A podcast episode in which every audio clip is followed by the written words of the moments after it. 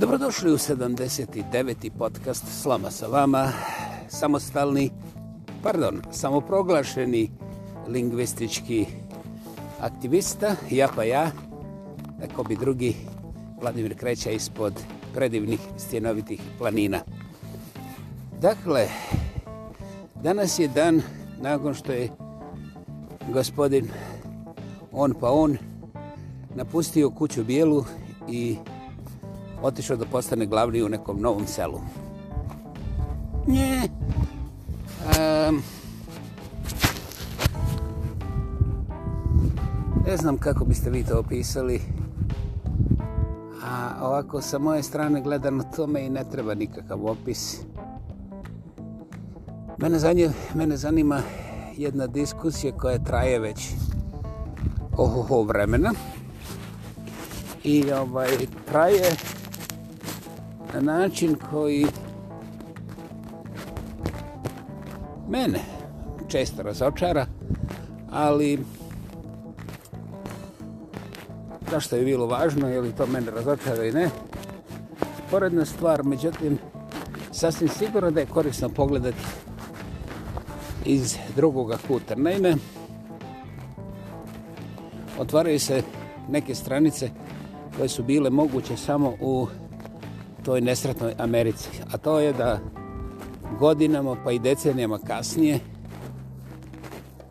neka drugarica gospođa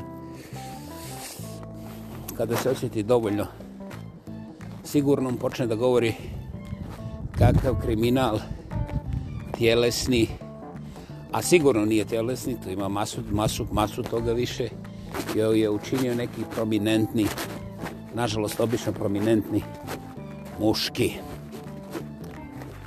A, nevolja je velika.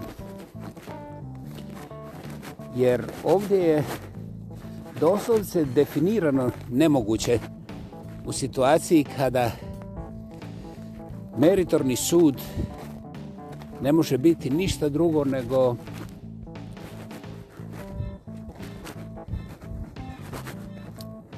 onaj ljudski arbitrarni otklon prema dobru ili prema lošem. Pri tome ne bivajući sasvim siguran šta je dobro, šta je loše kada se donosi ocjena da li vjerovati ili ne vjerovati. Zapravo mnogima, a ja vjerujem opravdano smeta kako mi uopće možemo da govorimo o ocjenama u situaciji kada su ljudski životi doista različiti ozbiljno uzdrmani sa zločinom. Problem nastaje prije nego što nastane.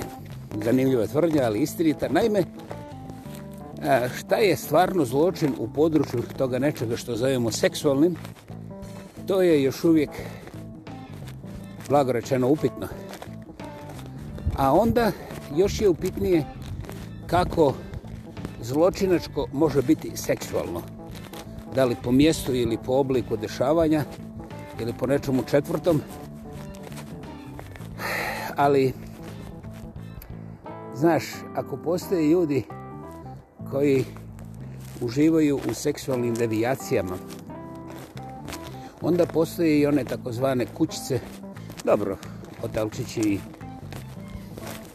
razno razne rupe sa crvenim lampama, ovaj, gdje možete da kupite usluge svojih devijantnih želja, ali onog momenta kada takve devijantne želje bez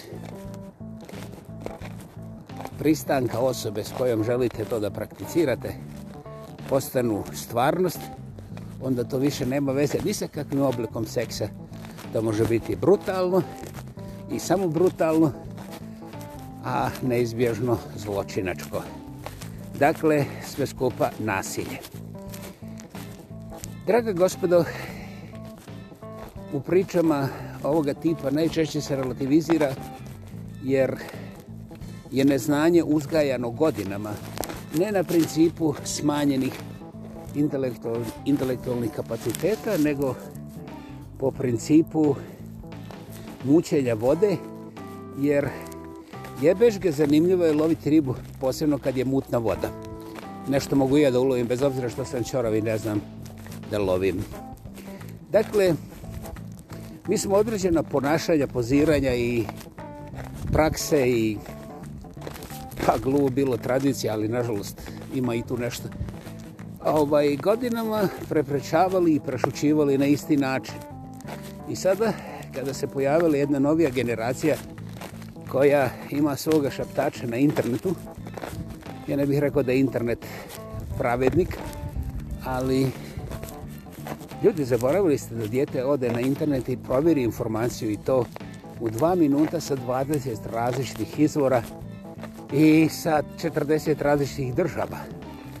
Dakle, to djete čak i da je retardirano, zna da ga vi lažete kada ponavljate neki svoj šlagvrt koji ste vi naučili kad ste bili njegovi godina i onda samo to verglali i mislili tako će to ići za uvijek.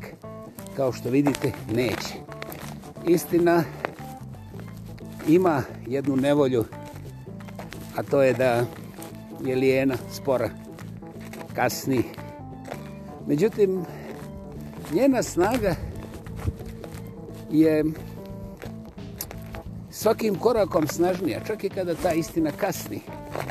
Dakle, ako se čudite otkuda ta razno razna ženska prava danas i tako dalje, ja bih vas zamolio da prestanete laprdati ovaj, jer nema ženskih prava. Nema, nikad ih nije bilo. Postoje samo ljudska prava, a zločini koji su rađeni ženama zato što su one žene pa kao slabije, pomalo se razotkrivaju zahvaljujući svim čudima informatike i novih odnosa u ekonomskoj strukturi društva. Tako da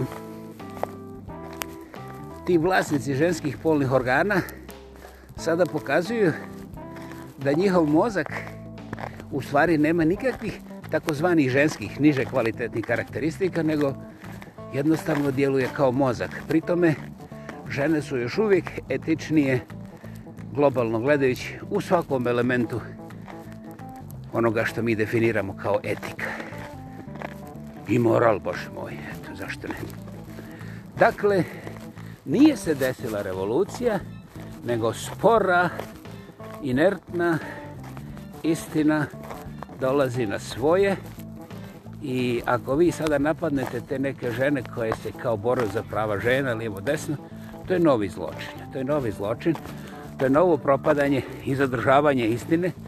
Međutim, u konačnici ne možete da uradite ništa osim da ponizite sebe. Ovo je najprije upućeno prema muškima. Pritome, dragi moji muškovanjasti, i ja sam vlasnik 2 cm tog fitilja koji me svrstavaju među muškovanjaste. I ovaj, prošao sam sve faze otkrivanja istine o tim takozvanim muško-ženskim odnosima.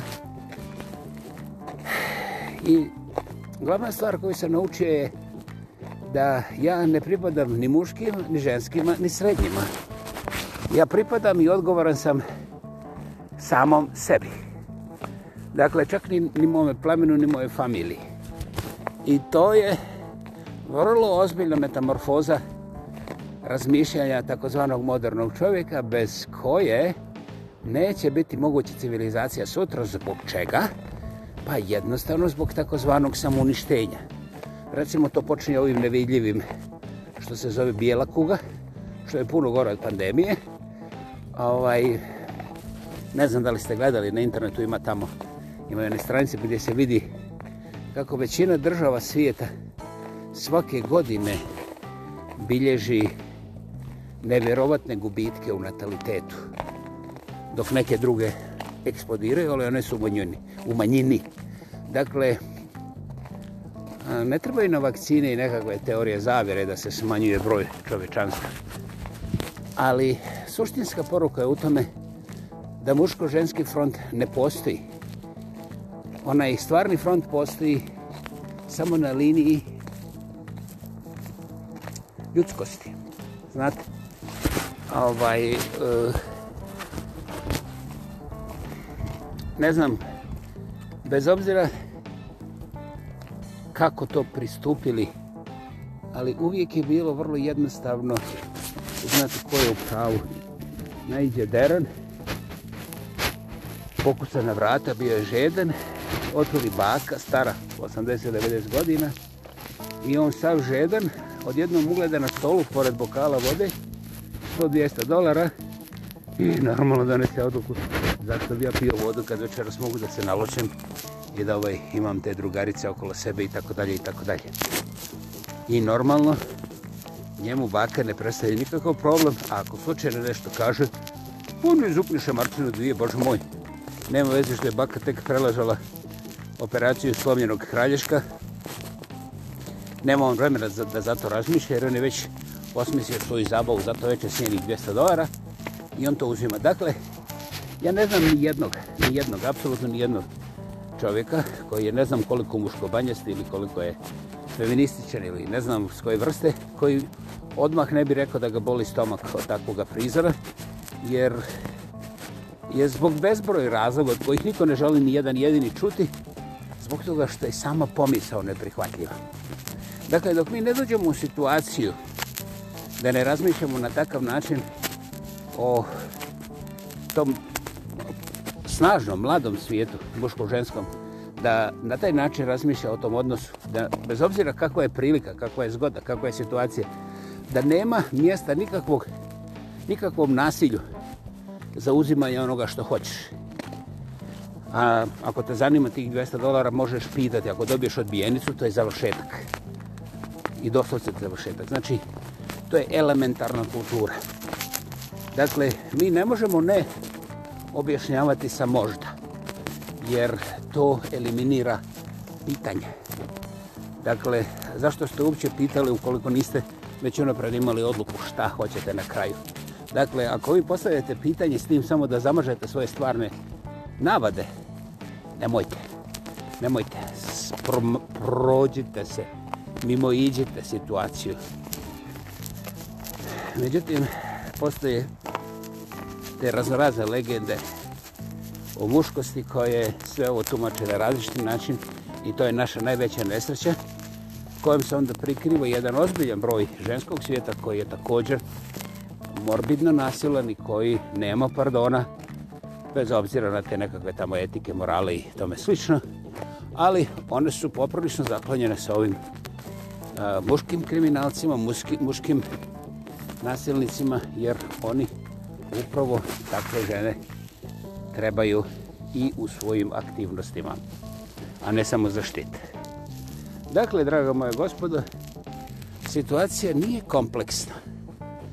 Nije nikad bila. Situacija je brutalna, situacija je um, tako bolna i tako razorna da nema nikakvog čuda kako su neke ozbiljne žene pokrenule pitanje tih odnosa jer nema se više gdje ići. Dublje ne možemo, a ja bih rekao i ne smijemo. Ovdje ne treba praviti neke nove frontove. Ovdje treba pogledati ogledalo. gledalo i moralno, a ne samo ovo estetsko, jeli? I sve će biti jasno. Ono što ne želite svojoj majci, svojoj sestri, svojoj supruzi, vrlo jednostavno ne učinite nikome. Čak ni nečevi tamo majci, sestri i ne znam kome, odakle. Jeta, to je cijeli lijek. To je cijeli lijek. Međutim, ukoliko budete nastavili dokazivati te supremacijske promašenosti koje su samo sakrivanje e, mizerije koju živimo već predugo, onda, onda ćete i vi osjećati posljedice te kuge na način koji ima vrlo jasan pravac pravac a to je crnilo, bijeda i Bože moj skupoća koju je vaš mozak u ovom momentu ne može je zamisliti. Da li ja to vam prijatim sa osvješćenim ženama? Znate šta, koju god hoćete bajku zamislite, međutim, priča o osvještenim ženama je tek na početku. Jedino gospod Bog može tu nešto, znaš, da ubrza, ali u rikverc čak ni on neće ništa pokrenuti. Dakle, dobrodošli u jedno čovječnije društvo, u jednu realnost čovječnijeg, a ne gaćolognijeg. Eto, sad ovo razumijete, mada se sa jezikom nećete složiti. 79. put sa vama, ja pa jako bi drugi, slama sa vama ispod predivnih Sjenovitih planina, Vladimir Kreća, hvala na strpljenju i hvala na slušanju, hvala na razmišljanju. Možete da napravite puno, doslovce ne radeći ništa. Ukoliko okrenete svoju misao prema zdravom, vi ste učinili najmoćniju promjenu u ovome svijetu. I to je predivan osjećaj istinski zločinci i kriminalci će se sami pod sobom urušiti i zaživit će sloboda, istina i ljubav, vjerovali ili ne. A to je moguće postići našim ponašanjem, našim aktivnim razmišljanjem o svemu što je ispred nas, najprije u nama i onda pravi korak u pravo vrijeme. Ja vam vjerujem da vi to možete i hoćete. Hvala. Živi zdravi bili.